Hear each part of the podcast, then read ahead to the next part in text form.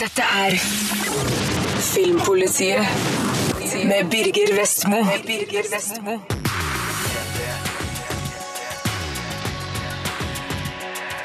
Dette er P3. Og her i Filmpolitiet skal det pussig nok anmeldes film Nobels testamente, som har premiere i dag. Det er skottlossning på Nobelfesten. Minst fem personer skjutne. Patrick, noen kontakt med Bengtsson? Jag kommer ikke fram. Så du noe? Jeg forsøker bare å gjøre mitt jobb. Lisa Marklunds populære bøker om krimreporter Annika Bengtsson har blitt filmatisert før, men starter nå med en ny giv og Malin Krepin i hovedrollen. Danske Peter Flint, kjent for Arn-filmene, har regissert en thriller som ser og høres svært pen ut, men særlig spennende er det dessverre ikke. Det er vanskelig å tro på historien som brettes ut, og klimakset er skuffende. Det her ligner på en oppblåst TV-film som har forvilla seg inn på kino. Det var vid 11-tiden som en ukjent gjerningsmann öppnade eld. Minst to skudd avlossades Det starter med et mord på selveste Nobelgallaen. En prisvinner blir skadeskutt, mens et medlem av Nobelkomiteen dør. Journalist Annika Bengtsson, spilt av Malin Krepin, er vitne og får derfor politiforbud mot å skrive noe om saken. Hun finner likevel et smutthull som lar hun gjøre research. Den tyder på at noe er råttent i Nobelinstituttet. Tenk om det var noen innom komiteen som bestilte mordet. Jeg vil at du kaller opp det her på heltid, 100 procent. Mysteriet er i utgangspunktet pirrende. Filmens lukkede Nobelinstitutt fremstår som et hemmelig maktapparat, og det er besnærende med skumle hemmeligheter i et slikt høyverdig selskap. Men sjølve udåden som blir begått, er litt mindre besnærende. Det er ikke troverdig når en leiemorder, som går for å være en av verdens beste, sprader rundt i gullkjole og gule kontaktlinser for å knerte sitt offer, og senere bekymra over at vitner faktisk kan gi et signalement. Det er ikke troverdig når en redaksjon overlater sin beste reporter til kulturavdelinga når hun sitter på åpenbar unik informasjon som kun kommer nyhetshundene til nytte. Og jeg kjøper ikke helt den endelige løsninga på mysteriet. Jeg forstår motivasjonen bak, men ikke den klossete utførelsen. Hun hadde aldri blitt ordfører om hun ikke hadde vært kvinne. Det er politisk korrekthet som gäller. Nobels testamente plages òg av et samfunnsbilde som begynner å bli veldig oppbrukt, der gamle gubber tviholder på makt, mens de egentlig bare burde legge seg ned og dø, mens unge kvinner er den nye vinen. Men Malin Krepin er fin som den nye Annika Bengtsson. Hun viser mot, klokskap og indre styrke, altså en drømmejournalist. Din löpsedelskåta jävel. Nu ska du berette for meg hva du så. Filmen forsøker å krydre historien med anekdoter fra avisredaksjonen, som kollegaen som forsøker å slutte å røyke, men det her tilfører filmen lite. Vi ser òg hvordan Bengtsson sliter på hjemmebane. En verbal episode fra barnehagen viser hva hun er villig til å gjøre for sine barn, men får ingen videre konsekvenser. Det er altså glimtvise innblikk i hennes private liv, men det er lite interessant satt opp imot mysteriet hun forsøker å løse på jobben. Filmen ville vært bedre med fullt fokus på det. CIA kaller henne Kitten. Ögonen. Det var ditt vittnesmål som ledde CIA rett. Annika, du er nøkkelvitne nå. Nobels testamente er starten på en serie rett på DVD-filmer om Annika Bengtsson. Denne innledende kinofilmen er middels god og gir meg ikke storarta lyst til å se mer. Det her er gjennomsnittskrim som er pen å se på, men et nummer for lite for kinosalen. Dette er Filmpolitiet på P3. Da skal du få en eksklusiv podkastbonus som ikke er sendt på radio. Jeg har nemlig møtt Lisa Marklund, forfatteren bak Nobels testamente, og den nye filmversjonen av Annika Bengtsson, Malin Krepin. Lisa, dette er den tredje filmen eh, med Annika Bengtsson. Eh, Hvordan, hvordan føler du det hver gang en av dine bøker skal, skal filmatiseres? Hvordan har forfatteren det da? Det kjennes helt galet. Eh, plötsligt börjar de röra på sig och prata. Det känns väldigt, väldigt konstigt. Hva skjer når boka skal bli film? Føler du at eh, innholdet ditt fremdeles er til stede i filmen, eller blir det noe helt annet? Nei, det blir jo noe helt eget fast utifrån min skapelse. Eh, så den lever jo helt sitt eget liv og har sitt eget eksistensberettigende. Er du komfortabel med det? Eh, Jag är komfortabel med det når när jag har valt en producent som jeg litar på. Da er jeg komfortabel. Malin, det er din første Annika Bengtsson-film. Eh, Det har jo vært eh, noen eh, forut. Eh, Hvordan er det for deg å skal komme inn i det og, og være den nye Annika? Jo, men jeg har jo gjort den här, eller de her bøkene. eh, Nobels testamente og, og framåt, eh, och utgått från, från det. Eh, och Helena gjorde med bravur Sprängaren och paradiset. Eh, jag har inte sett någon, någon anledning till att varken jämföra eller, eller, eller eh, med det arbetet. Liksom. Vi har gjort, det sker parallellt. Liksom. Hvordan har du funnet fram til din versjon av Annika Bengtsson? Hvordan har du jobba for, å- for å utvikle figuren? Genom att läsa böckerna. Hon är jätteväl beskriven så det är inte så svårt. Om man bara läser så finns hon där ganska tydligt tycker jag. Har det vært noe poeng for deg i det hele tatt å ta med ting fra de tidligere filmene? Nej, jag har utgått från de här eh, historierna helt, helt och hållet. Och det här teamet, det här manuset, de här medarbetarna och medskådespelarna som vi har haft. Lisa, da du skrev denne boka, eh, hvordan fikk du ideen til et mordmysterium i Nobelinstituttet?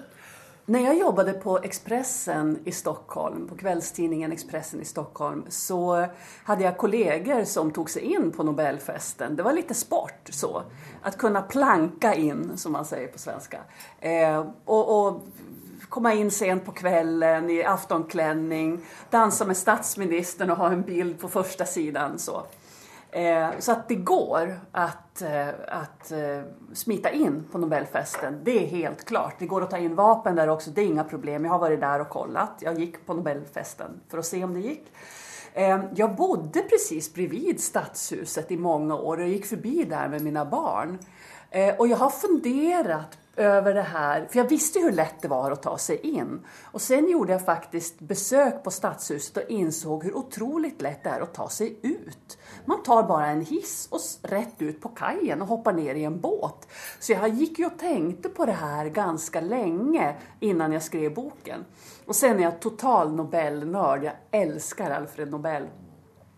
Eh, så att, och forskning av olika slag. Jag har faktiskt startat ett forskningsföretag tillsammans med en forskare på Karolinska institutet bara för att jag tycker att det är så otroligt spännande. Så att det här är, Nobels testamente handlar om saker som jag tycker är otroligt roliga och spännande. Men jag är ju lite nördig. Eh, Det svenske Nobelinstituttet det er litt eh, fremmed for oss i Norge i hvert fall. Eh, Hva med, hva med i Sverige? Er dette et kjent miljø, eller er det et så lukka miljø som vi ser i filmen? Men jag upplever det som en rätt stängd miljö. Att de eh, jobbar i det, i det dolda med de här sto, med stora frågor. Hva syns eh, Nobelinstituttet om denne filmen, tror du? Og det får du fråga dem om. Har det kommet noen reaksjoner? På, på boka først, og nå filmen? Altså, jeg jag eh, kontakt med en sjef chef på Karolinska instituttet når jeg gjorde research. Och som tack så lovade jag att hålla ett föredrag på Karolinska institutet för läkarna och överläkarna där.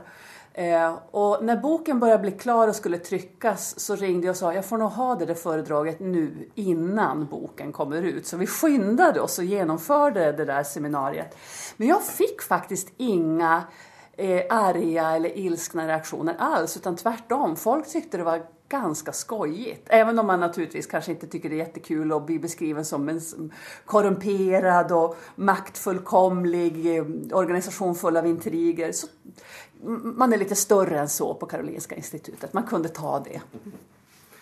Eh, Malin, i denne filmen så ser vi Annika Bengtsson som en ivrig, ærgjerrig journalist, men også som familiemenneske. Hvordan, hvordan vil du beskrive eh, din Annika Bengtsson i denne filmen? För mig är Annika, hon är otroligt driven journalist. Hon är inte rädd för att eh, följa sitt eget huvud och göra fel. Eh, hon är inte rädd för att bli impopulär. Eh, så hon är en väldigt stark journalist. Eh, jag tror att hon är hopplöst svår att leva med. Men jag tror hon är underbar att ha som mamma. För jag tror hon är en för mig är hon, alltså hon älskar sina barn högt. Alltså över allt annat. Hon gör på riktigt vad som helst för dem.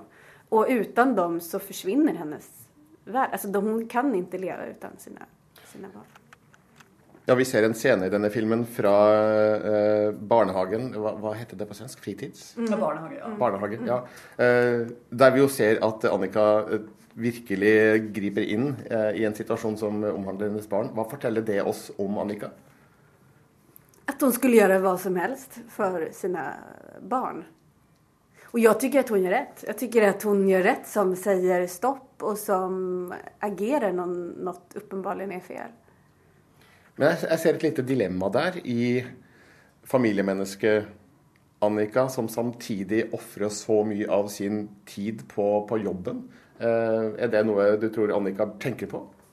Ja, det är klart att det är ett, ett dilemma, men det ena utesluter inte det andra. Hon är otroligt driven och eh, skarp journalist.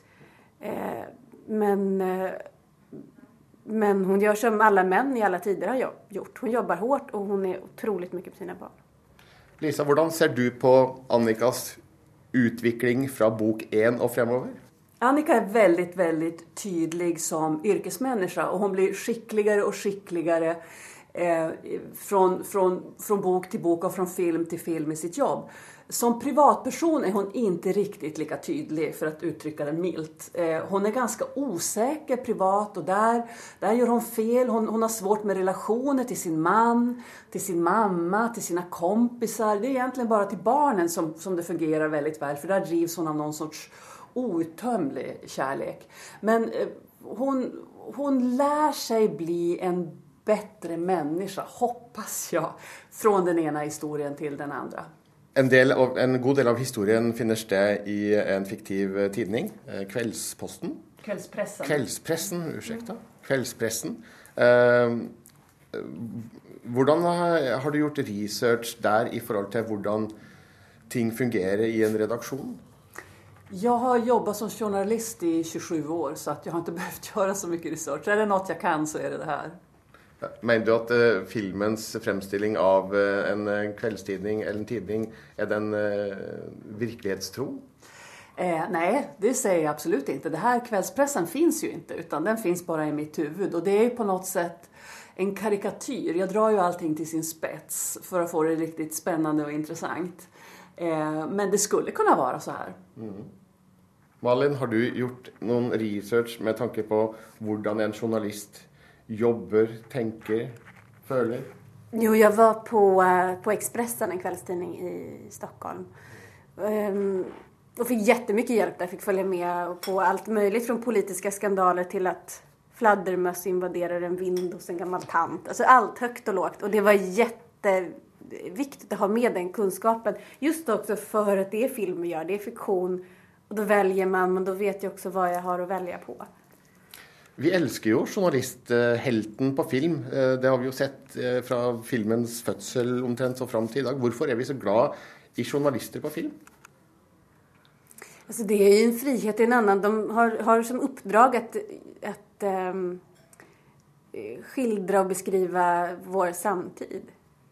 Og at vi får da skildre dem tror jeg er spennende.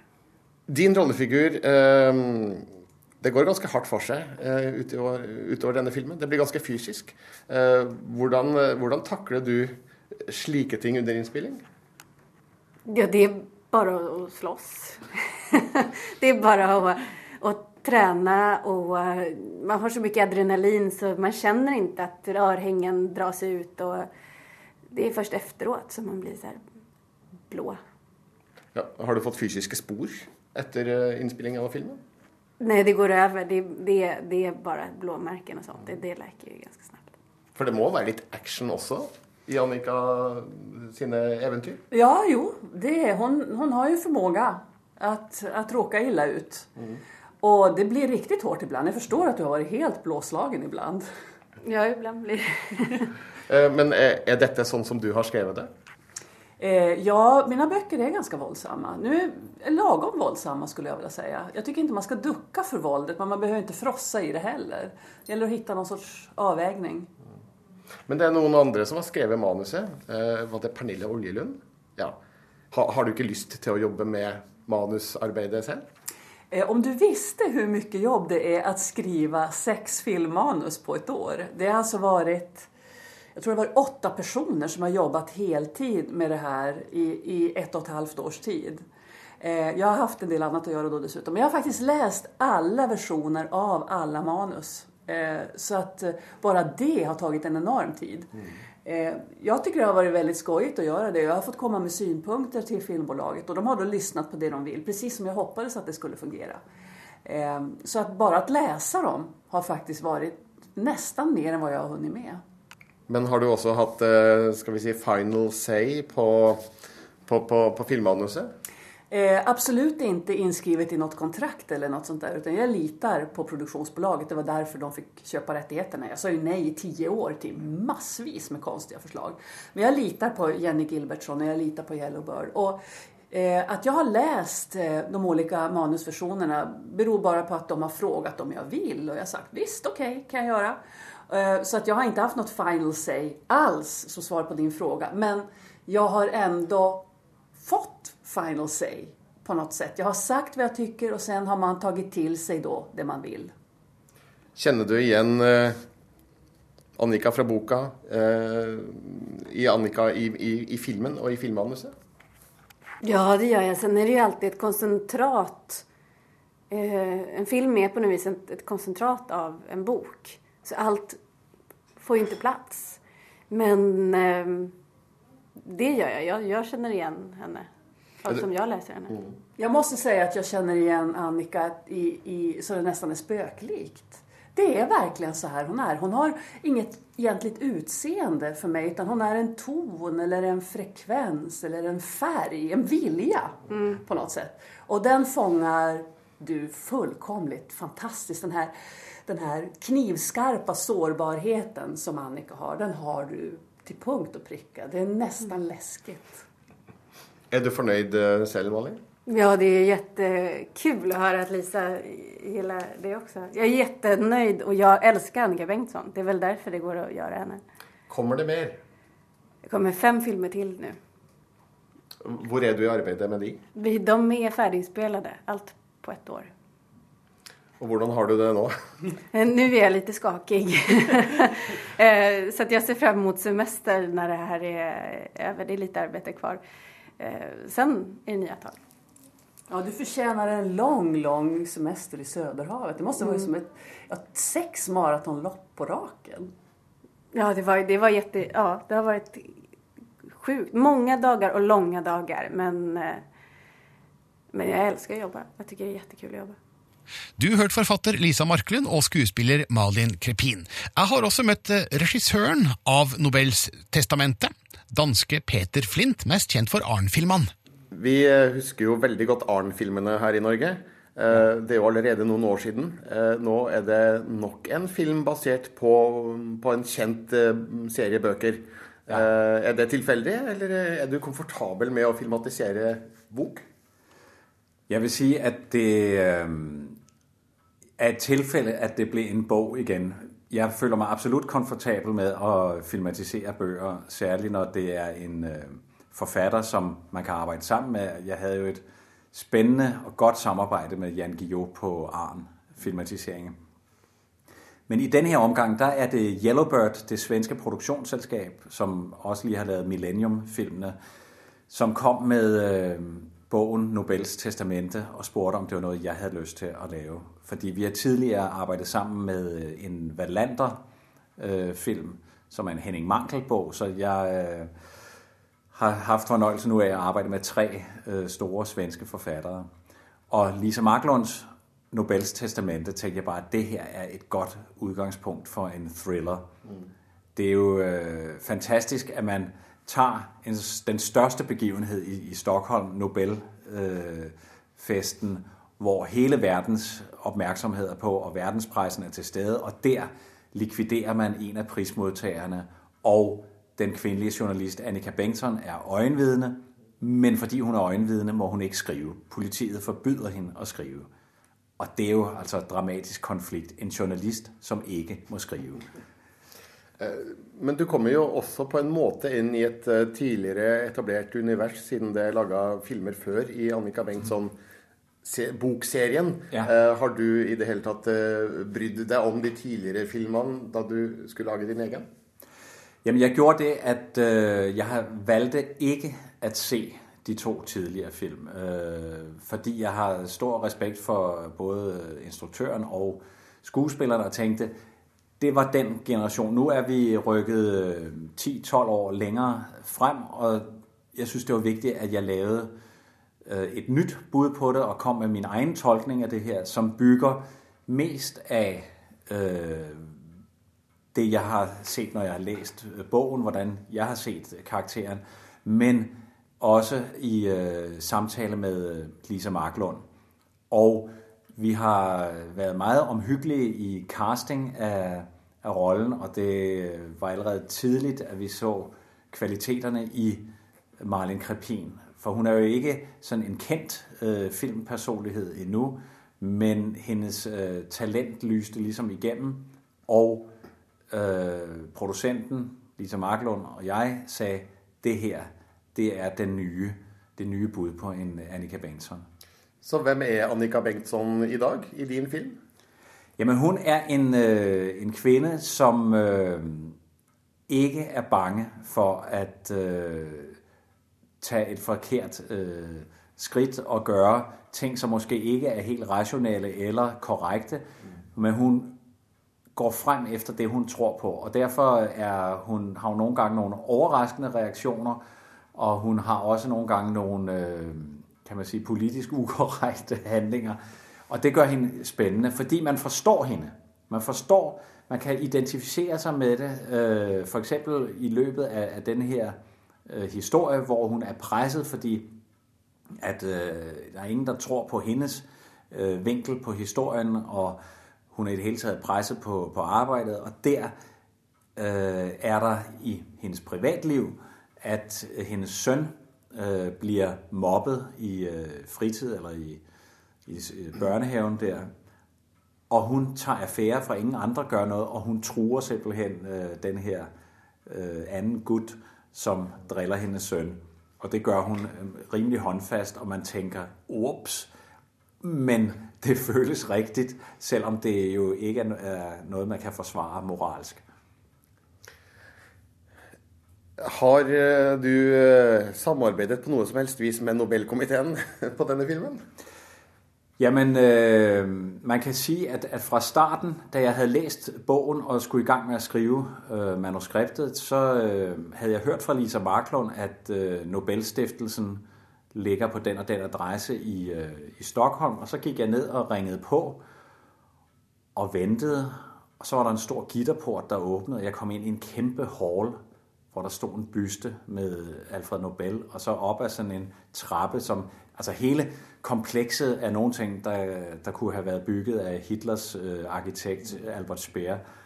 Og så kommer man op, så sad der sådan en øh, sekretær, ja, om jeg havde nogen aftale. Nej, det havde jeg ikke. Jeg havde bare hørt, at det var her, øh, Nobel var. Og ved et tilfælde, eller uvidenhed, eller whatever, lykkedes det mig at få en, en rundvisning derinde. De anede ikke, hvem jeg var, og, og jeg var bare helt naiv. Jeg troede, det var et museum, man kunne komme ind fra gaden. Og så så jeg så Nobels testamente, som står i en glasmontre inde i deres øh, styrelsesrum, hvor der også står øh, ramløse og nogle Nobelchokolader ligger der. Så jeg var inde og så ligesom det hele, og så gav jeg mit kort, og jeg fik hendes kort, og bagefter så blev der lukket med jernskodder for øh, kontakten imellem Nobel og det her fiktive underholdning. Det ville de ikke have noget med at gøre. Det var ikke af ond vilje, jeg tror bare, at de vælger at holde det seriøse og det, øh, kan man sige, fiktion og underholdning for sig. Men da fik du en værdifuld researchrunde, da? Jamen, det gjorde jeg. Jeg fik jo se, hvordan øh, lokalerne så ud. Øh, og kæmpede længe for at få lov at filme der. Men det var helt udelukket. Men så kunne vi jo finde nogle andre øh, lokaliteter, som øh, ligner veldig vældig tæt på. Og så måtte vi øh, få en skulptør til at lave vores egen Nobel, Nobelbyste. Må vi skifte arm her. det er NRK nu med venstre hånd. Ja, NRK med venstre hånd. Uh, filmen den, er jo, uh, den har meget høy produksjonskvalitet på bilde og lyd og musikk. Og dette ser veldig strøkent, strømlinjeformet og sånn hollywoodsk ut. Uh, var viktig, hvorfor var det viktig for deg å ha dette utseendet på filmen? Jamen, jeg synes, at øh, der er sådan en glamour omkring øh, Nobelfesten, og det synes jeg var interessant at løfte med over i, øh, i hele øh, filmens udtryk.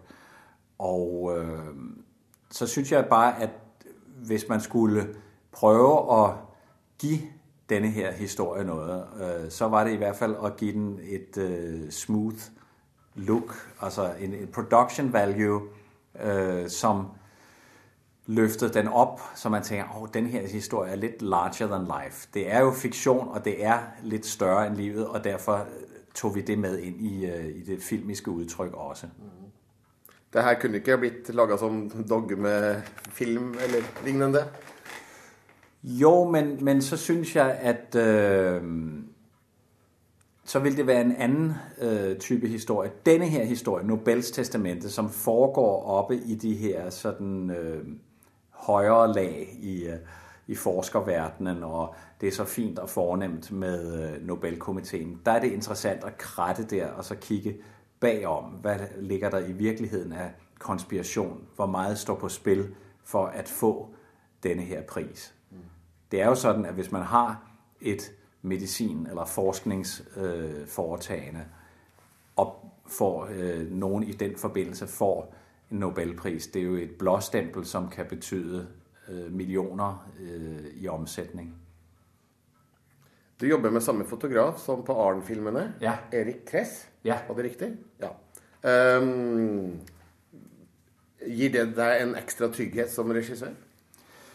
Jamen, øh, Erik og jeg, øh, altså fotografen Erik Kress og jeg, har fulgtes ad siden øh, filmskolen, og nogen vil jo sikkert sige, at vi er som et gammelt ægtepar, men øh, det giver en øh, tryghed, vi forstår hinandens øh, sprog, og jeg synes, det der er spændende med øh, Eriks øh, måde at arbejde på, det er, at han går altid ind med det med nyt blik. Altså, der er aldrig to film, som øh, ser ens ud. Han øh, definerer, hvad er det for en stil, og hvordan skal, skal den her løses.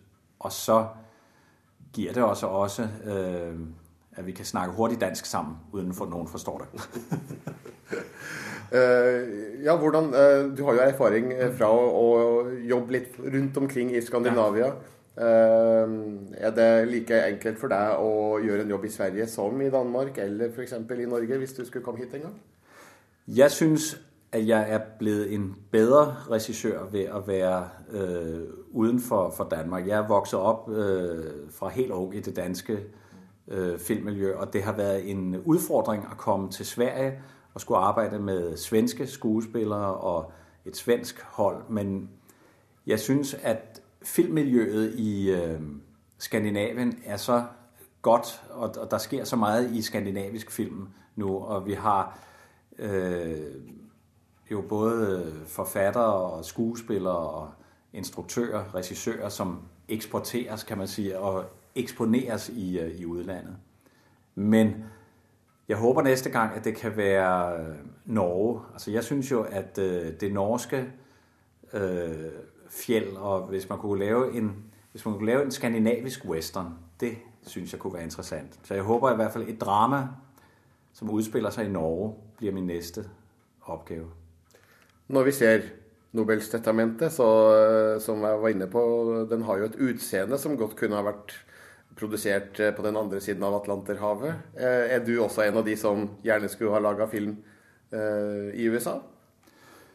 Det vil jeg absolutt ikke si nei til, men det kommer an på, om det er en god historie. Jeg synes, det viktigste er, at man laver de historier, som interesserer, og som man selv har lyst til å se i biografen. Om de så utspiller seg i, i Danmark, Skandinavia, Tyskland, England eller USA.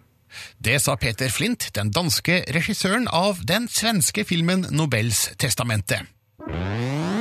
Dette er Filmpolitiet med Birger Vestmo. Birger Vestmo. Denne uka ble det altså kjent at det skal lages en oppfølger til Kill Buljo. Den skal hete Kill Buljo 2, og en del av innspillinga skal foregå i Thailand. Vi har besøk av Jompa Tormann himself, Stig Frode Henriksen. Velkommen, Stig Frode. Tusen takk. Du, før vi skal snakke om Buljo 2, her er litt lyd fra Buljo 1. Hei, er det ledig her? Ja hvis faen er det ledig. Jeg er politibetjent, og du er ettersøkt for å ha drept gjestene dine i forlovelseskaffen. Tullkukker som har funnet på det her. Vi har en same med alkoholproblem. Hva trenger vi? Ja, hva var det som skjedde da? Uljo og gjengen barska inn døra midt i ekstranummeret til Banana Airlines. Gaut løs på alle gjestene. Hvorfor gjorde de det? Har noen gang hørt Banana Airlines? Ja, Stig Frode, det er fem år siden det her. Ja. Eh, har du savna Jompa, Tormann? Eh, først veldig lite. ja vel? Eh, han, er jo, sånn, han er jo en tegneseriefigur, han er veldig endimensjonal og sånn, men, men eh, så har jeg jo sett i ettertid at jeg så litt på det når jeg gikk på TV2 Sebra, og han er jo han er kjempeusympatisk. Altså, allikevel så heier folk på han, og det, det er jeg veldig, egentlig ganske stolt over. Ja, Klassisk antihelt. Ja, veldig antihelt. Eh, hvordan ser du for deg å tre inn i Jompa Tormanns rike igjen nå, da, etter fem år? Nei, jeg gleder meg jo. Jeg gjør det. For det, det er så det, det virker som at det er veldig mye folk som har lyst til å se mer av det. Det, det går nesten ikke en dag uten at noen roper jompa etter meg. Og det er jo, det er jo ikke bare artig, selvfølgelig, men, men, det, men det, det må, må jo sette pris på det. Ja, Og nå skal du da, etter egen vilje, få mer tilrop. ja. Du, fortell. Kill Buljo 2. Eh, dette er et manus du og Tommy Wirkola har skrevet allerede for en del år tilbake. Eh, hva skjer i, i toeren? Eh, det- hva skjer i toeren? Det der er jo sånn Kill Buljo-vits i seg sjøl. Sant? Men uh, i, i oppfølgeren så uh, Ja, han, han begynner vel så smått med reindrift igjen, men så uh, skjer det noe som ja, alle, alle, Det er ikke en spoiler egentlig å si at hele flokken hans blir slakta, og gevirene er borte når han våkner en morgen. Så finner han ut at det er en liga som som har tatt gevirene for å eh, male det opp og selge det som eh, potensmiddel i Asia, da. Og det, det, det gjør det, Reinhorn selges som potensmiddel i Asia. Ja, Og det er derfor innspillinga delvis skal foregå i Thailand? Ja. Han er jo eh, Han får jo lyst til å Han er veldig lat, men det eneste han vil, er ofte å ta hevn, tydeligvis. Eh, Den første filmen eh, ble jo laga, skal vi si, nær sagt på dugnad av glade amatører. Ja. Eh, Men eh, både du og, og Tommy Wirkola og andre involverte har jo blitt mer drevne etter hvert. Blir det en annen type film nå, Kill Buljo 2, enn det eneren var? Nei, jeg tror ikke det. Jeg tror jo at uh, kanskje Ja, jeg syns det tekniske for så vidt er bra i eneren også, og forhåpentligvis kan vi få noen eh, eh, filmer litt med bruk av kran og sånn, og noen fancy hjelpemidler som vi ikke hadde råd til forrige gang. Men det er veldig lavt budsjett på den her også. Vi sitter hver dag nå og prøver å, å kutte ned på budsjettet. Men vi håper jo at ved den uh, stemninga og den humoren uh, egentlig ikke forandrer seg noe særlig. Så det blir fremdeles eh, rølp med, med underbuksehumor? Ja, det, det, det er en god del rølp, men det er jo også, der er jo ekstremt mye filmreferanser, og der er jo også en del smarte ting. Syns jeg, faktisk. Både i uh, den første og i manuset som, vi har- som vi har i, uh, i toeren. Når skal det her spilles inn, og når får vi se det på kino?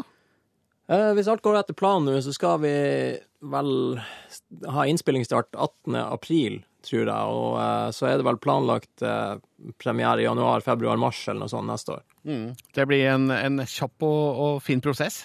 Ja, det er vel en måned. Cirka like mye som vi brukte på Død snø og den første Kill Buljo-filmen. Eh, Stig Frode, jeg har et uh, veldig morsomt lydklipp her fra Kill Buljo 1. Eh, stikkord 'vondt i ræva'. Skal, vi ja. ta, skal vi ta den? Ja, ta den. De er borte. Alle sammen. De tok alt fra meg. Alle jeg kjenner. Meid ned som rein foran en trailer. Alt jeg sitter igjen med, er to bare hender og en mengde spørsmål. Hvorfor gjorde de det de gjorde?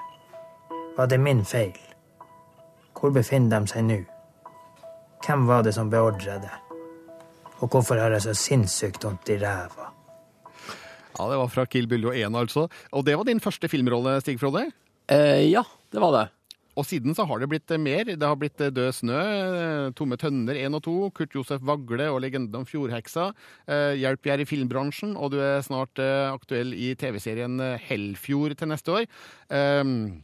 Var det liksom planen din å bli skuespiller da Kill Buljo 1 ble, ble laga?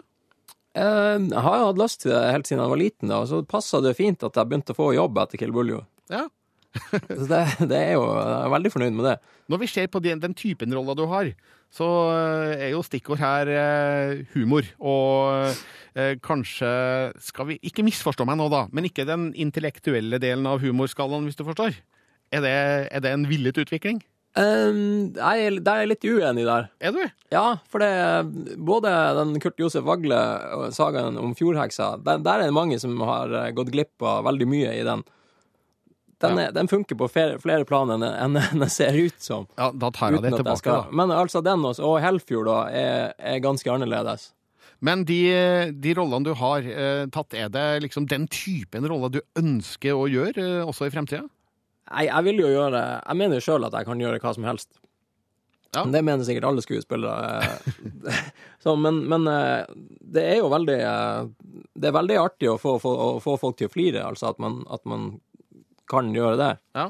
Eh, Du har jo Du har jo én seriøs rolle på, på lista her, da. Du var helikopterpilot to i Essential Killing. Ja, Vi- jeg, ja. jeg, har, eh, den og eh, Men der, jeg ble jo så godt som klippet bort, for det skulle ikke være dialog i filmen, omtrent ikke. Så det, men jeg har jo, jeg ble jo kasta til den, og ja. Jeg tror vi, tror vi ser låra dine, i hvert fall. Ja, jeg tror det er lårene mine. Det, de spiller veldig bra der. Men eh, ved siden av å være skuespiller, så, så skriver du også manus. Du, du skrev jo manus eh, til Kill Buljo nummer én. Eh, ja, jeg og Tommy skrev den i lag, Ja. ja. samme som vi gjorde med Død snø. Ja, og, og Kill Buljo 2. Ja, og Kill Buljo 2. Men eh, du har ambisjoner videre utover det også. Eh, du har fortalt meg at du har vært eh, på Fantastic Fest i i USA, en, en, eh, en festival, og pitcha et manus. Ja, vi var der med Hjelp har filmbransjen, eh, som fikk kjempegod mottakelse der. Og eh, da snakker vi med Todd fra Twitch Films, som er en veldig bra nettside. Han er også begynt å koprodusere. Han, han har akkurat vært med å produsere en indonesisk actionfilm som heter The Raid, som ser helt fantastisk ut. Det er en veldig kul trailer på YouTube for dem som har lyst til å se klipp fra The Raid. Jeg dør etter å se The Raid. Ja, den ser dødstøff ut. Og han uh, sa nå det, og så sa jeg til han at uh, ja, men da kan jeg pitche en film til deg, hvis det, siden du har begynt med det. Og så sa han ja, selvfølgelig kan du det. Og så var vi møtte han, og så, så gjorde jeg det, og han digga den veldig. Det er, en, det er en skrekkomedie, men det er ikke type varulv, vampyr eller noe sånn. Vil du, kan du fortelle mer? Jeg blir bare nysgjerrig her, jeg. Jeg, jeg tør ikke, jeg er redd for at noen skal stjele. Åh, akkurat, ja. Det gjelder å holde på ideene sine her. Ja, sånn, ja det, er ikke, det er sikkert ikke noen som stjeler den, men det er, det, det er veldig særegent. Og det, det handler om eh, ja, en amerikansk forsker i Nord-Norge. Mhm. Ja. Som, ja. Jeg skal skrive den sånn at uh, dialogen blir på engelsk. Fire av seks hovedpersoner er amerikanere. Akkurat. Så, ja, det er ikke en ny The Thing. Det er det ikke. Nei vel. Nei, vi får komme tilbake til den hvis det blir eh, realistisk. Eh, blir det noe av, tror du? Ja, det tror jeg. Ja. Eh, hva slags andre manus jobber du med? Eh, jeg driver og skriver på en uh, nåtidswestern. Ja vel? En og... samisk western. Akkurat. Som er sånn eh, Ja, ganske er spagetti-western på samisk. Mm. Ganske beinhard med litt svart humor, da. Og så har eh, jeg og Patrick Syversen og Jesper Sundnes skrevet på en, eh, en, en til skrekkfilm som er veldig kul. Men først av alt er det altså Kill Buljo 2 som skal spilles inn eh, nå i løpet av eh, våren og sommeren. Gleder du deg? Ja, jeg gjør det. Jeg gleder meg masse. Det, det er jo det er en veldig artig gjeng å filme sammen med. Vi skal avslutte her, Stig Frode, med et, eh, et legendarisk klipp, vil jeg si, fra den første Kill Buljo. Eh, Jeg tror vi skal bare høre det, jeg. Og så sier vi tusen takk for at du møtte opp, Stig Frode Henriksen, og lykke til med Kill Buljo 2. Ja, tusen takk for at jeg fikk komme. Jeg er veldig glad i filmpolitiet, altså. Å, tusen hjertelig takk. I love you, man. I love you too. Jompa, jeg har ingen truse på meg. Satan, du er glemsk.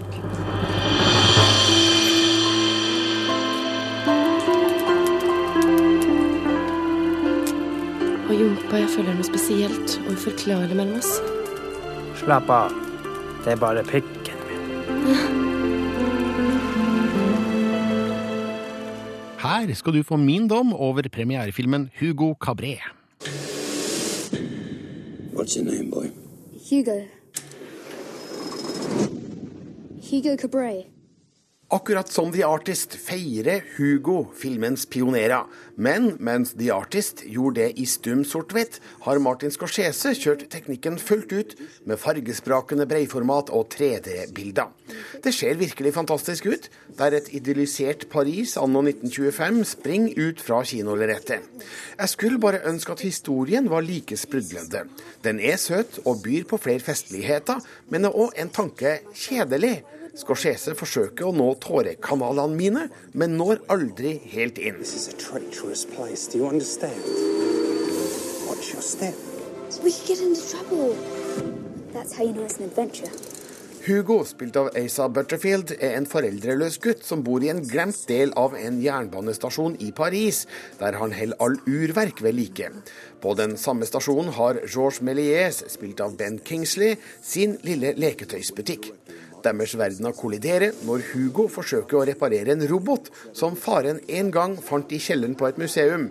Det viser seg at roboten er laga av George, som har en glemt fortid som filmskaper. Det er ingen tvil om at historien holder en høy teknisk kvalitet, og at Scorseses evne som historieforteller fremdeles er i god behold. Alle gjør sitt beste for å få eventyret levende. Skuespillerne, både de små og store, er fine i ikke altfor kompliserte roller. Det som irriterer meg litt, er at historien av og til er direkte kjedelig. Uten noen rivende utvikling eller uventa vendinger. Historien er kanskje i overkant trygg, og jeg har en mistanke om at den beveger seg litt for sakte for de yngste kinogjengerne. You've tried to forget the past for so long. Maybe it's time to try and remember. The story's not over yet. Hugo er en helt fin familiefilm, med enkelte store kvaliteter på billedsida. Men i Martin Scorseses lange rekke av filmer er det her en av de mindre markante. Han viser at også han kan leke med 3D, men han er vant til å fortelle sterkere historier enn det her. I met a boy named Hugo Cabret. He searched to find a secret message. I need to know what this means. And how that message lit his way. All the way home. Du hører Filmpolitiet på P3. I dag har en ny norsk actionkomediepremiere. Den heter Fuck Up, og her er dommen fra meg. Dette er meg, som tar et av de hundre valgene vi tar hver eneste dag. Valgene blir et mønster som er det livet man lever, men det er klart at det finnes et mønster, gjør ikke nødvendigvis valgene smarte. De fleste misliker dem som smugler og selger narkotika, bortsett fra når vi ser dem som antihelter på film. Det blir liksom noe helt annet. Og det er vanskelig å mislike firerbanden vi møter i Fuck Up. De kjører livene sine på ræva, men er søte mens de gjør det. Teamet bak TV-serien Dag, med regissør Øystein Carlsen i spissen, har laga en gråsvart komedie med fornøyelige høydepunkter. Noen feilskjær på manusfronten og enkelte billige filmatiske løsninger til tross. Det her er en fin liten film med godtakbar underholdningsfaktor. Han hadde 3,8 kilo kokain liggende i bagasjerommet. Så akkurat nå så er det noen som har tapt 2,5 millioner ca.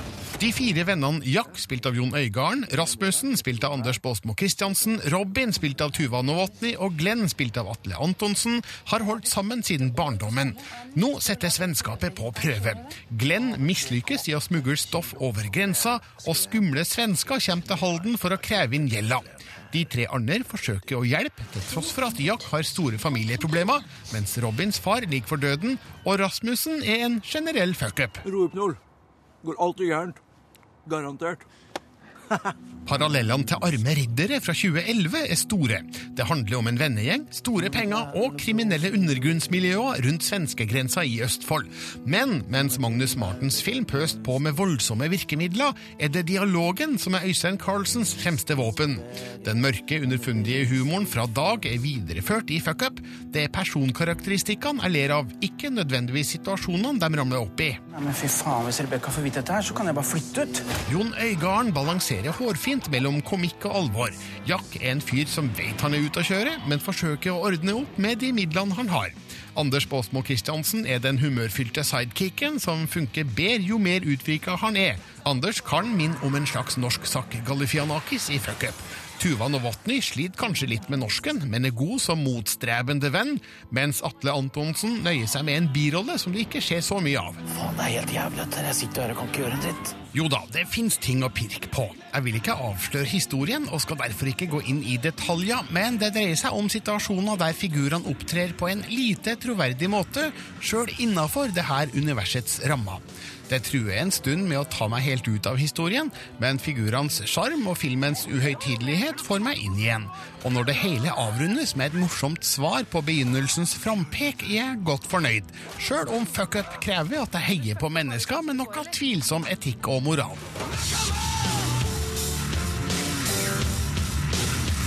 At det går an! Dette er Filmpolitiet på P3.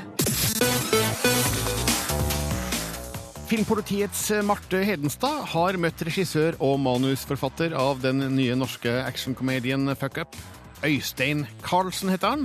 Han har eh, med seg skuespillere i filmen som Jon Øigarden, Anders Baasmo Christiansen, Atle Antonsen og Tuva Novotny.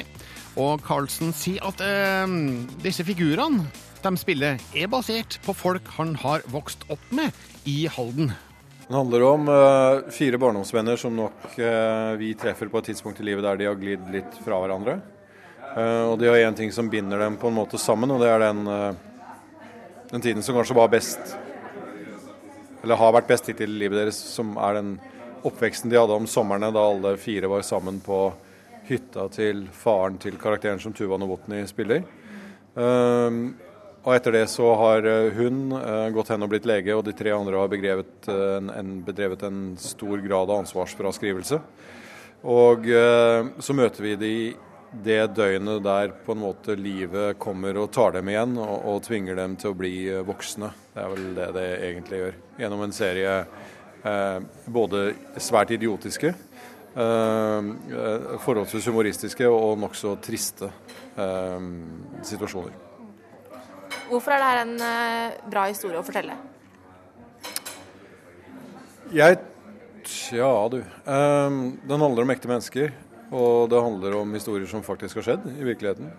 Og uh, det utføres av gode skuespillere, og det er et tredimensjonale mennesker som portretteres, som faktisk blir berørt av, av, det som foregår med dem, i motsetning til mange andre som er i den i den action-komediesjangeren, hvis man kan kalle det det, så har vel vi et, et større anstrøk av eh, drama og av mennesker som må nødt til å grave dypt i seg sjøl og, og, gå i kjelleren for å, å finne fram litt ekstra.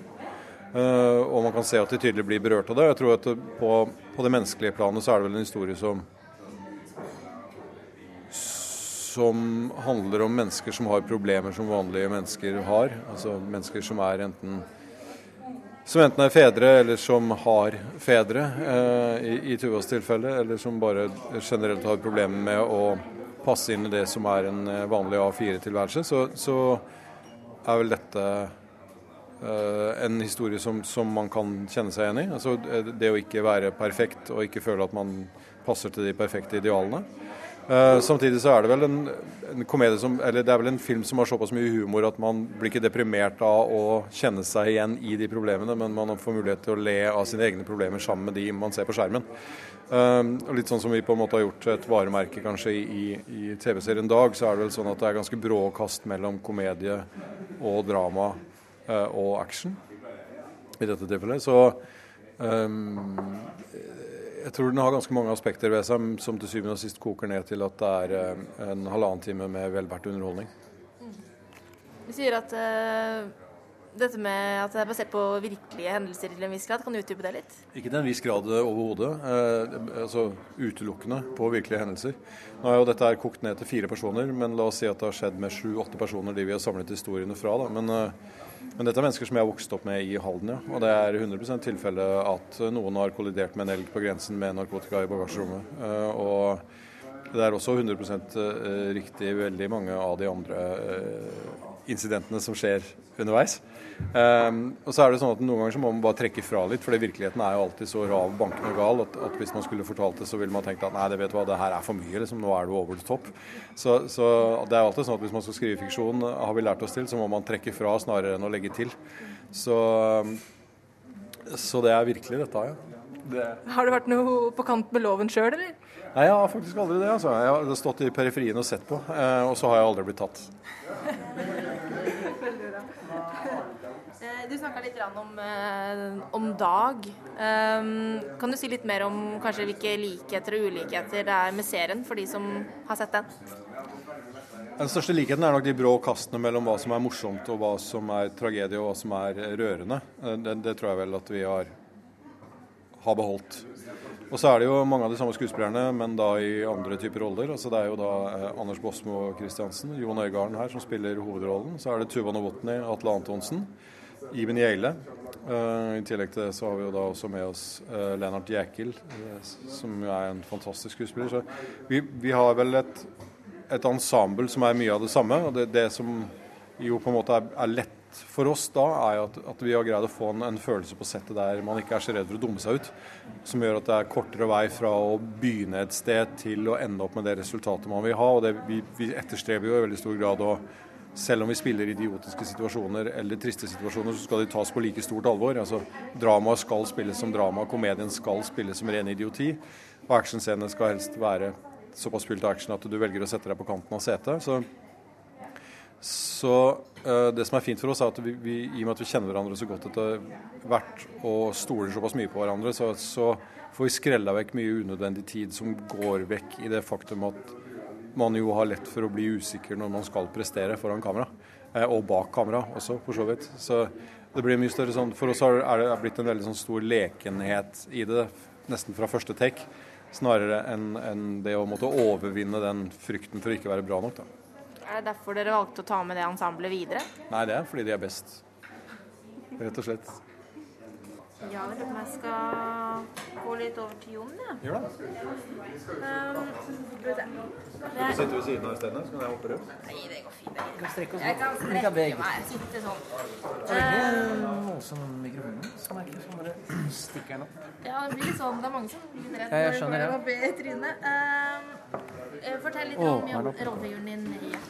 Oi, rollefiguren min Jack. Herregud, fortell om rollefiguren Jack. Jack, Nei, Jack han er fra Halden, og Jack har eh, levd sitt liv med å Ja, som Øystein Gaff sier så fint, at puler alt som har puls. Eh, og ja, har fått sin familie og, og prøver å få et gjøre et riktig Ha et bra liv. Men det viser seg å ikke bli så Får problemer, da, for den ene vennen har eh, får problemer, så Jack må hjelpe til. Altså, Jack er rett og slett en helt, eh, som jeg tenker sånn, en vanlig tvers igjennom fin fyr. Som er glad i å kunne ha det bra. Kanskje ikke ta like mye ansvar. Eh, tenker i hvert fall de som er i nærheten av han, som er avhengig av han. Eh, men eh, nei, Jack er som deg og meg. så du sier at han er ikke så flink til å ta ansvar. På hvilken måte er det han driver med ansvarsfraskrivelse? Nå tenker jeg på ansvar det at Hvis du liksom er sammen med noen og driver pulerund, så er ikke det å ta så veldig mye ansvar. Og Hvis du driver med mye dop og sånne ting, og du også har en familie og noen nære som er avhengig av det, og holder på sånn, så er kanskje ikke det å ta så veldig mye ansvar. Men når det først gjelder, når da kompisen da, som har spilt Atle Antonsen, som har eh, lånt 200 000 uten å si hva han lånt 200 000 til, og da for å eh, ta inn noe kokain og bli tatt for det, så tar jo Jack ansvar og gjør alt for at ting skal ordne seg igjen. En liten antihelt. Så jeg mener Jack er, en, eh, er rett og slett en eh, verdens beste fyr. Han har fått en del juling underveis. Hvordan var det å, å spille ut det? For juling, det er alltid, det er alltid gøy. Det, så er det alltid Det er alltid litt sånn selvfølgelig sånn slitsomt. Du må, det, du må jo se ut som du har blitt slått ordentlig, og du har klippet av en finger, og du får noen som nikker deg ned. Altså, så det er jo litt slitsomt. Har litt vondt i hodet på kvelden jeg kommer hjem. For man må man, Ja. Det er jo litt sånn sett litt krevende, men eh, Eh, snakka litt om det med mm, at dere har jobba mye sammen som team før, og det må være komfortabel på sett og sånn. Hvordan er det å jobbe sammen den gjengen? Du, altså det som jeg sier, det er, Vi har en veldig fin gjeng. og er vi, man, Jeg føler at man som man, også, Det er en familie. Slipper bare til oppvasken hjemme hos Øystein. Eh, er, vi har, men vi har det rett og slett det er en veldig eh, Si et lite sexjord. Vi har det veldig koselig sammen, syns jeg. Hyggelig, gøy og kult. Eh, og det å jobbe sammen med Øystein er det at som skuespiller så er det det at det er liksom ikke noen sånne regler eller noe sånn skal det være, sånn skal det ikke være. Vi etterstreber at det skal være ekte. Uansett hvilken situasjon man er i. Om det så er så aldri så langt dratt ut. Eh, og det er egentlig eh, veldig, egentlig veldig enkelt å gjøre det. Fordi man, man inviteres til at man skal kunne åpne seg, og det føler jeg er veldig lett. Det er, ingenting som, det er ingen som sier at det ting er rett eller galt. Du slipper å føle deg flink. Jeg hater å føle meg flink. Hvis jeg føler meg flink, så får jeg helt sånn hetta. Hvorfor det? Nei, så Flink for meg er liksom synonymt med sånn som alle kan, alle kan etterstrebe å være flinke. Alle kan lese en bok. Alle kan gjøre noe som alle kan. Og så kan du liksom prøve å tilsynelatende late som det er ditt, men det bare gjennomskues at det er jo ikke ditt. Så for meg er det liksom viktig at man klarer å få noe som er sitt. Man blir selvfølgelig inspirert av hva man leser og ser og hører og sånne ting. Men klarer å få det til sitt. Jeg opplever at mange er veldig gode til å kopiere, da. Og det føler jeg at dette her er ikke noe sånn Det er ikke noe, noe blåkopi. Dette en, har en tydelig signatur. Og det er det jeg er opptatt av. Og det er det Øystein har, og produsent Anders Tangen. Og jeg håper at vi også skuespillere ja, har en signatur, da. Er det noe, er det noe moral i filmen? Vel Moralen er vel at, uh, at det som er verdt å ta vare på, er uh, de menneskene rundt deg som er glad i deg. Uh, være seg om det er barna dine, eller om det er foreldrene dine som ikke du har fått fortalt at du er glad i før de forsvinner, eller ikke fikk gjort opp med, eller om det er vennene dine som er familien din, så, så er det til syvende og sist det eneste som er verdt noe. Ikke om du uh, ble vokalist i et framgangsrikt rockeband, eller om du ble kom inn på den høyskolen, eller om du endte opp i kassa på Rimi. Liksom. Det spiller absolutt ingen rolle så lenge du har det bra der du er. Og det som gjør om du har det bra der du er eller ei, det er hvordan du har det med de menneskene som er rundt deg. Det er vel det som er moralen. Har dere noen gode historier fra settet? Noe, noe morsomt som skjedde, eller noe sånt? Altså, masse morsomt som skjedde, og det var veldig kaldt og sånne ting. Men jeg husker en dag Øystein serverte oss kaffe og konjakk halv seks om morgenen. Det husker jeg. Både... Hva var grunnen til det? Nei, Det var fordi vi, han, det er sånn Øystein, det drypper litt på oss klokkere. da. Han føler at vi er fortjent det.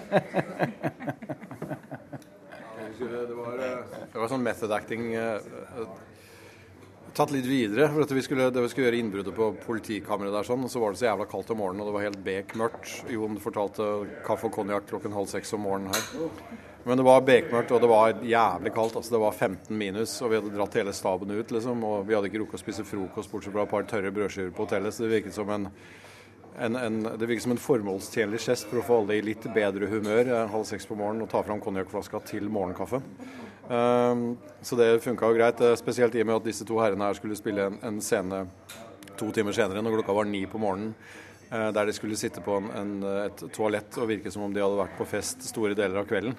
Um, så jeg vil si at de fløt ganske godt over i hverandre, de opptak av de to scenene.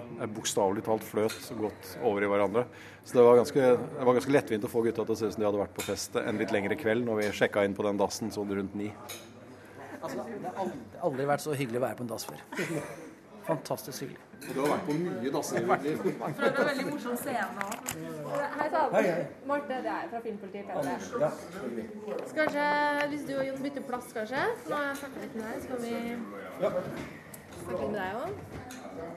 Jeg har spurt de andre gutta litt om hvordan det er å jobbe sammen, med tanke på at dere har vært et team som har jobba mye sammen. Ja. Så jeg vil spørre deg litt, så, litt om hvordan er det å eh, jobbe sammen med folk som du etter hvert kjenner såpass godt? Det er en stor fordel, og det er jo nettopp prega av det. At vi den uh, lille sjenansen man kan merke når man skal spille mot uh, folk man ikke kjenner. Uh, hvis man kan bruke litt tid på, og litt krefter på å bryte isen der, den, den, fantes jo ikke hos oss. Så, og det passer jo bra til budsjettet også, at vi har ikke noe tid og penger til å bruke tid på sånt. Så, så vi var rett på. Så det er absolutt en stor fordel å spille en kameratgjeng når vi er også en kameratgjeng. Da. Hender det at du blir flau som skuespiller? Nei, jeg blir nok flauere privat ofte. Eh, Så det å være skuespiller er jo å kunne gjøre ting man ikke tør å gjøre privat, så det er jo det er ikke der man skal være flau. Eh, Rollefiguren din, Rasmussen, han er jo litt sånn Jeg ser på han som en litt sånn den mest surrete personen kanskje i gruppa. Eh, som liksom liker å leve livet og sånn. Men eh, hva mer er det til, til Rasmussen enn det? Nei, det er vel mest det. Det er vel på en måte Overskriften er liksom han. Eh, han er jo glad i å ruse seg, da. Han putter i seg det han kommer over, så han tar ikke noe sånn stort ansvar for verken seg selv eller de andre. Men eh, han har godt hjerte og vil alle godt. Han har ikke mange Det er ikke mye sub der, nei. Sånn, jeg lurer litt, Øystein, Når du skrev uh, manuset, uh, disse, fire, disse gutta i gjengen, uh, te, hvordan tenkte du på, på måte, den sammensetningen av diverse folk? Ulike folk? Nei, altså, det, det er jo som sagt basert på virkelige karakterer. og De, de fire menneskene her er, de er jo, om ikke ekstremt nære venner alle av dem, så i hvert fall parvis veldig gode venner. Um, så den sammensetningen er egentlig ganske naturlig hvis du har sett de sitte rundt samme bord og drikke. Eller, eller i noen tilfeller rundt samme dass. så, så er jo det eh, ganske mye lettere å, å, å se det for seg at de kan være akkurat så gode venner. Det må jeg si. Så, og så snakker de jo eh, Forhåpentligvis så har de jo på en måte hvert sitt språk, men snakker allikevel på en måte innenfor samme språklige univers. Eh, og det har jo noe med at man det er noe med, jeg tror at Hvis man vokser opp i en liten by, og det, det tror jeg flesteparten av oss som har flytta fra en, en, by som er mindre, men som kommer tilbake og besøker den i ny og ne, sånn som Anders er fra Hamar eller jeg er fra Halden, så er det sånn at det, at det finnes en del av de som har blitt igjen, eh, og som har tatt det valget å, å bli igjen, eller som, som av en eller annen grunn bare ble istedenfor å flytte, eller som rett og slett har flytta tilbake igjen fordi det var der de trivdes best. Så, men så er det ganske mange andre som har blitt skalla underveis. Og så De som blir igjen da, men som er av samme generasjon, de blir som oftest eh, en vennegjeng uansett. fordi at du vil møte hverandre såpass mange ganger i løpet av så kort tid. For det er bare så mange steder du kan gå ut, liksom, som funker bra.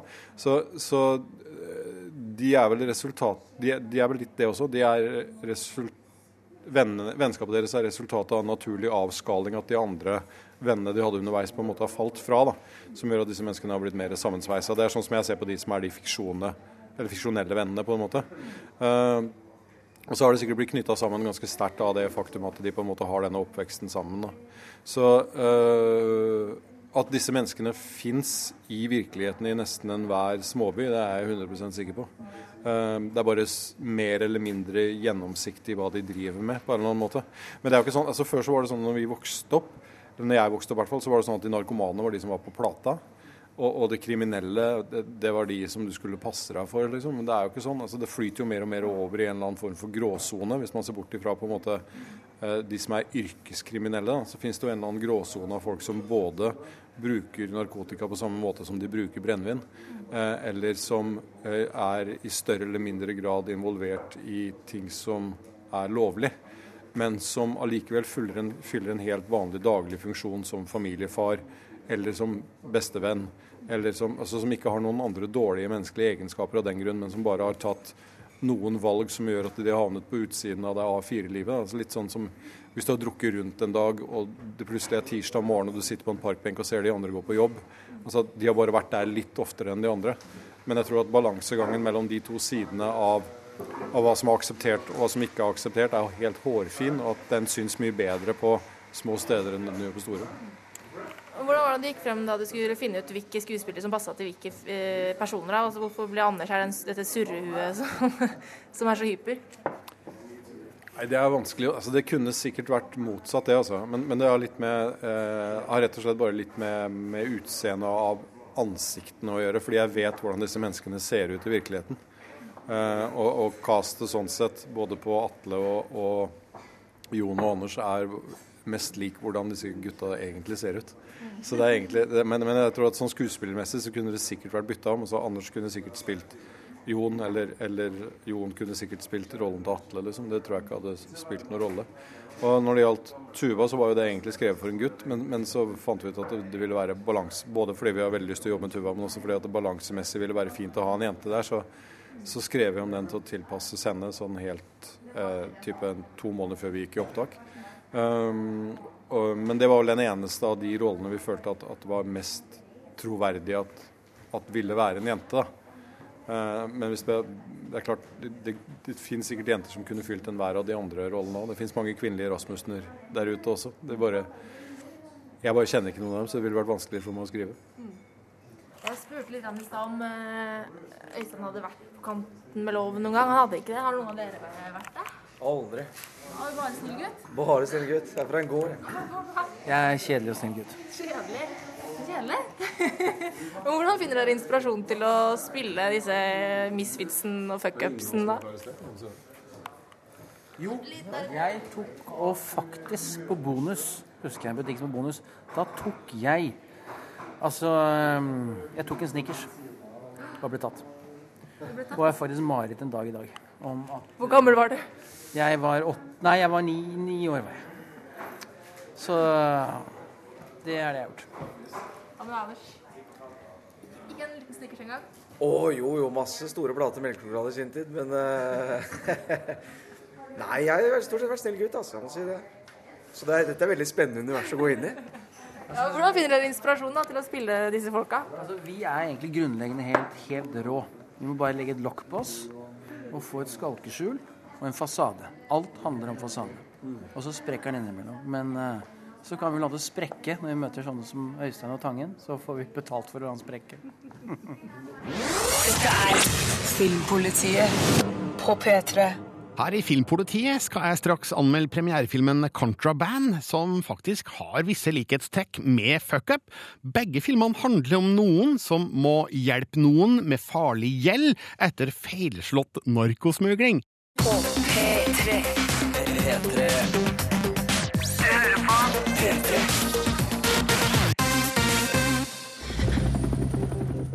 You were the best of the best.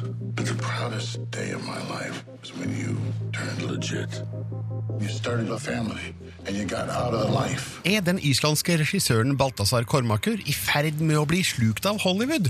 Hans nye film Contraband er et helt greit actiondrama, men mangler noe som ligner særpreg. Dette er en A4-film som føles å være laga etter en velbrukt oppskrift. Kjente fjes som Mark Wahlberg, Giovanni Ribisi, Ben Foster og Kate Beckinsale i de største rollene sørger for at kvaliteten aldri dropper under middels. Men jeg føler samtidig at Kormakur har mye mer inne som filmskaper enn han har fått muligheten til å bevise her. Chris, come home. It's my brother. Chris Faraday, spilt av Mark Wahlberg, har lagt smuglerkarrieren på hylla. Men så pådrar svigerbroren seg smuglergjeld, og Chris må ty til gamle triks for å redde familien.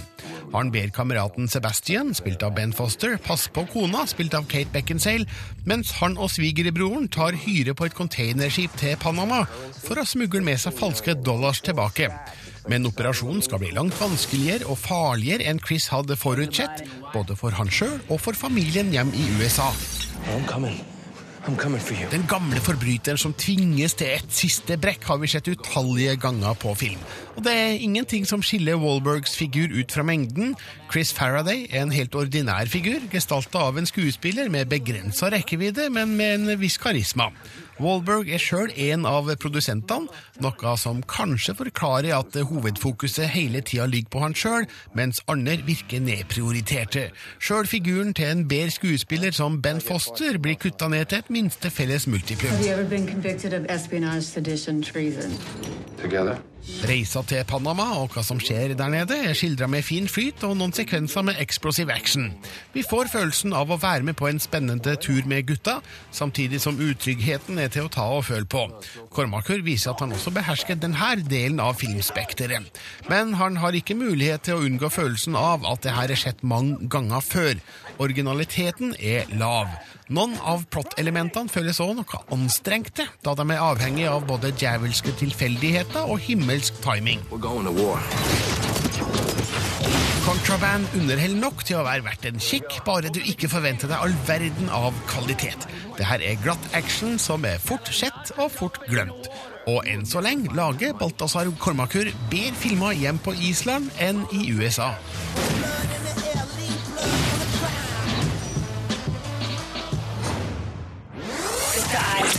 Filmpolitiet på P3. Dataspillet Diablo 3. Mange har venta på det, og spesielt etter å ha sett eh, traileren du får litt lyd fra her.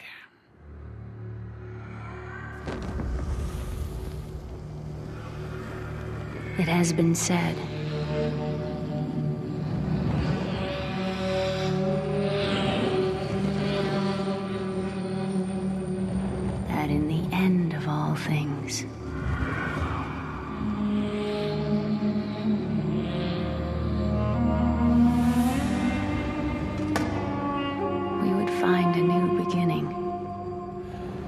Stilig og stemningsfull trailer for Diablo 3, som altså kommer 15. mars. Filmpolitiets Rune Haakonsen har allerede testa beta-versjonen av Diablo 3, men Rune, kan du først forklare hva er egentlig Diablo? Diablo er en spillserie hvor du inntar rollen som helten i en episk og veldig sånn stereotypisk kamp mot det onde. Og da er det selvfølgelig henta fra det bibel... Altså det bibles, hva heter det for noe? Bibelske mm. verdensbildet. Og det er Satan sjøl som gjerne står og venter på slutten av hvert eh, spill. Siste spill, altså Forrige spillet kom i 2000, det er tolv år siden! Og fortsatt den dag i dag så, så, så prater folk om det med, med varme ordelag, så du kan tenke deg at dette spillet, Diablo 3, er noe folk venter veldig på. Hvorfor funka de to første spillene så bra? Vet du hva, Det er et veldig godt spørsmål, men jeg tror nok det eh, er en kombinasjon med, med, med en veldig god story. Eh, ikke nødvendigvis grafikken eller alt det andre, for det er sånn du ser i fugleperspektiv, ikke sant? ovenfra og ned, og så er det sånn pek og klikk-spill, der noen peker rundt med musa og klikker på ting. Eh, det som er litt artig, er at denne, denne spillserien på en måte definerte begrepet hack and slash. Eh, ergo, du må ta datamusa du bruker, og Akkurat. Trykk, trykk, trykk, trykk. trykke deg i hjel og samle veldig mye våpen og magi, magiske gjenstander. Og det er akkurat denne samlinga, eh, også jakten på disse magiske gjenstandene, som jeg tror har gjort at spillseriene holdt seg så lenge. Og nå er det altså da betatesting for Diablo 3. Eh, hvordan virker det i forhold til de to forrige spillene? Du, det, det, det som slo meg etter å ha spilt Diablo 3-betaen en liten stund, er at det føles akkurat som de andre spillene. Det er nesten ingenting som gir meg inntrykket, da, bortsett fra grafikken selvfølgelig, at dette er et helt nytt spill som er på vei. De har beholdt eh, si, den, den, den tradisjonelle eh, utseendet på, på, på, på, menyene. Mm. de har valgt å beholde altså den følelsen eh, av det gamle spillet. Og jeg er ikke helt sikker på om jeg synes at det er en bra ting. For hvis det føles ut som jeg spiller et spill fra år 2000 og ikke 2012, så vil dette nye spillet kun være for de gamle tilhengerne og ikke så mye for de nye. Så der er jeg litt skeptisk. Men eh, som gammel tilhenger sjøl, så koser jeg meg godt. Men uh, tror du det er en bevisst strategi fra de som har laga spillet? Det tror jeg absolutt. Den prosessen som eh, nå har pågått i veldig mange år eh, Diablo bruker, eh, Diablo sier unnskyld, Blizzard, spillselskapet bak, bruker lang tid på å utvikle sine spill og henter inn mye tilbakemelding fra brukerne. Uh, Men jeg er som sagt er litt spent på om de på en måte har gått i sin egen felle og lager et spill som, som er litt for gammelt, altså.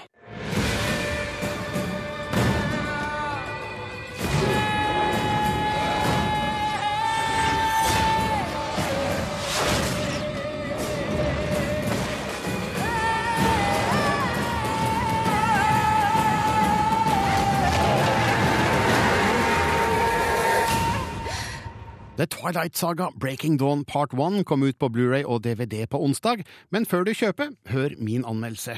I, Edward Cullen, take you, Bella Swan, For better or for worse. to love. To cherish. As long as we both shall live. Leflinga med vampyr- og varulvmytologi tones ned i den nye Twilight-filmen, og bifigurene tar mindre plass enn før. Det her er smarte trekk av regissør Bill Condon. Han fokuserer på Bella, Edward og Jacob, og dramatikken som oppstår når deres verdener nok en gang kolliderer.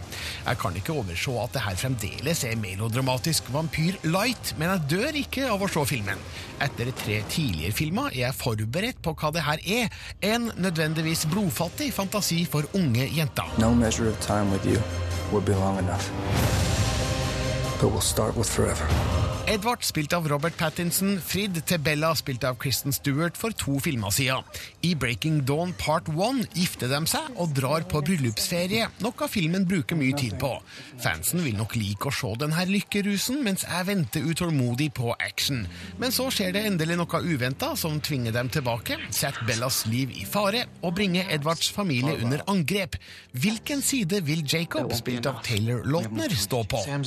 Element of surprise, and he doesn't want to take you on outnumbered. So he's not going to come at you head on. Jeg er ingen Twihard, men ser at fansen sikkert vil elske det her. Filmen spiller på den vakre, men naive drømmen om den perfekte kjærligheten, der noen er villig til å ofre absolutt alt for en annen. Denne historien gjør det uten å gjøre det for klissete og kleint, bare litt. Jeg føler òg at figurene virkelig har noe å tape her. Det står bokstavelig talt om liv og død, og litt mer enn før. It's too strong and fast growing. Det merkes at serien nå bruker en regissør som er god til å instruere skuespillere. Bill Condon har tidligere regissert de Oscar-nominerte filmene Gods and Monsters, Kinsey og Dreamgirls. Verken Kristen Stewart, Robert Pattinson eller Taylor Lautner kan vente seg Oscar-nominasjoner, men jeg føler de har bedre grep på figurene sine. Denne gangen poserer de ikke så mye som de av og til har gjort før, og blottlegger sine følelser mer naturlig og troverdig. Unntatt låten er da. Han er fortapt, dessverre. You did this. Bella, you're the enemy now. The tribe won't hesitate. You will be slaughtered. Jeg har begynt å avfinne meg med at seriens overnaturlige elementer skildres med tanke på et ungt publikum. Skrekken er slapp, og sexscenene du kanskje har lest eller hørt om, de er fryktelig snille. Aldersgrensa er 11 år.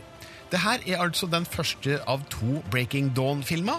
Slutten av film 1 signaliserer hva problemstillinga vil være i film 2. Kvaliteten er helt grei, og jeg ser faktisk litt frem til avslutninga.